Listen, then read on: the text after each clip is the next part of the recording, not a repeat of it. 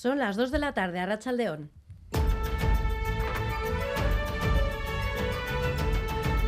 Crónica de Euskadi con Irache Martínez. Continúa el revuelo en el seno del pacto educativo tras la propuesta del consejero de Hacienda Pedro Azpiazu a PP Ciudadanos en el marco de la negociación presupuestaria de ampliar la concertación de cero a dos años. El Carrequín Podemos IU se reafirma en su idea de que el gobierno vasco ha roto el pacto educativo al apostar claramente, dice, por los centros privados, propuestas que según el gobierno vasco ya se conocían desde junio. En todo caso, la coalición morada valorará más adelante si acude o no a la comisión de seguimiento del pacto. Escuchamos a Íñigo Martínez del Carrequín Podemos IU y Aitor Urrutia, PNV un incumplimiento flagrante del acuerdo educativo en el fondo, el gobierno vasco con esta decisión rompe el pacto educativo. Viene después de varios incumplimientos como los que decía del decreto de planificación, de la orden de conciertos, que es un poco pitorreo intentar reírse de encima de dos grupos de la, de la oposición. ¿A quién querían engañar? Sí que nos suena excusa para enmascarar una incomodidad que yo creo que es evidente pues casi desde el principio, ¿no? En torno al, al acuerdo, como si se arrepintieran de lo pactado.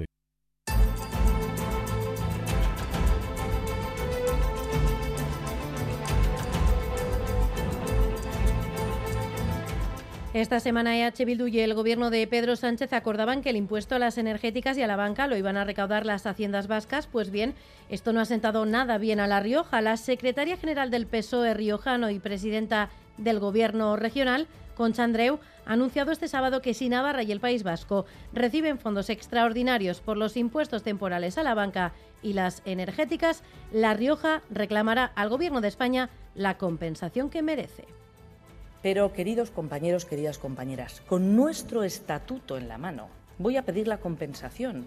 Si Navarra y el País Vasco van a recibir, por su foralidad, nadie se la niega, van a recibir unos beneficios por esos impuestos extras, La Rioja también lo va a exigir. Y yo me voy a encargar de exigir esa compensación que nos merecemos, pero además nos la merecemos por ley, con nuestro estatuto en la mano. Enseguida vamos con estos y otros asuntos, pero vamos ya primero con la actualidad deportiva. John Zubieta, Rachaldeón. Hola, Rachaldeón. Samamés va a acoger esta tarde a las 8 el derby femenino entre el Athletic y la Real Sociedad. Se espera que hay en torno a las 30.000 personas en una cita que aúna cultura, igualdad y deporte. Este derby será horas antes de que el, que disputen mañana ellos y a la vez en un Ipurúa con el papel vendido. Mientras Garitano admite que hay más que tres puntos en juego, Luis García Plaza sostiene que es un partido más. El fin de semana también tiene un centro en el Mundial de Qatar que comienza mañana y también en la repercusión mediática de la pelota, porque Joseba Ezcurdia y Joaquín Altuna buscarán mañana el triunfo en la final del 4 y medio. En baloncesto, el Vasconia se vio afectado por un segundo periodo más que escaso de rendimiento y cayó en la Euroliga ante el Mónaco por 79-74. Además, el Araski logró una victoria por la mínima en Tenerife 61-62. Y por lo que se refiere al balonmano, el año Tasuna tuteó al Barcelona, pero terminó perdiendo por 33-26. Esta tarde, el Vidasoa recibe en Artalecu al segundo clasificado, al Granollers. Y hoy tenemos una jornada más propia de la estación en la que estamos. Vamos con el pronóstico del tiempo para las próximas horas. Euskalmet, Maya Leniza, Arrachaldeón. Arrachaldeón. Por la tarde se mantiene el tiempo frío y desapacible. Seguirá lloviendo y en algunos puntos de la vertiente cantábrica todavía se pueden dar algunos chubascos más intensos, especialmente en el este. Por la noche las lluvias irán a menos y los chubascos serán dispersos y ocasionales. Además, el viento del noroeste seguirá soplando con fuerza y la tarde será fresca es decir, por la tarde continuamos con temperaturas frías y algunas lluvias. Mañana por la mañana seguirá lloviendo, pero para la tarde remitirá. Por la mañana llegará otro frente que dejará lluvias, sobre todo en la mitad norte, pero para la tarde-noche irá remitiendo y las nubes también irán a menos. En las horas centrales volverá a predominar el viento noroeste, soplará con cierta fuerza y será molesto en la costa. Aún así, las máximas subirán un poco y en la costa rondarán los 15-16 grados. En el resto se quedarán en torno a los 11-13 grados. De modo que mañana por la mañana se mantiene el tiempo revuelto, pero para la tarde estará más tranquilo.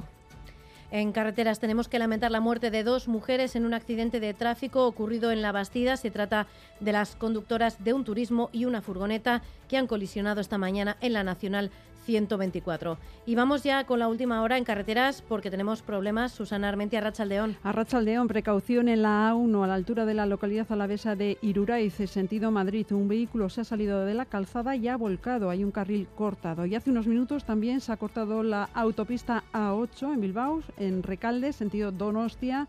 Se ha producido una colisión múltiple. Han comenzado las retenciones en este punto de la red viaria vasca. En el control técnico, Joseba Urruela, Jesús Malo y Javi Martín. Son las 2 y 5 minutos de la tarde. Comenzamos. Crónica de Euskadi con Irache Martínez.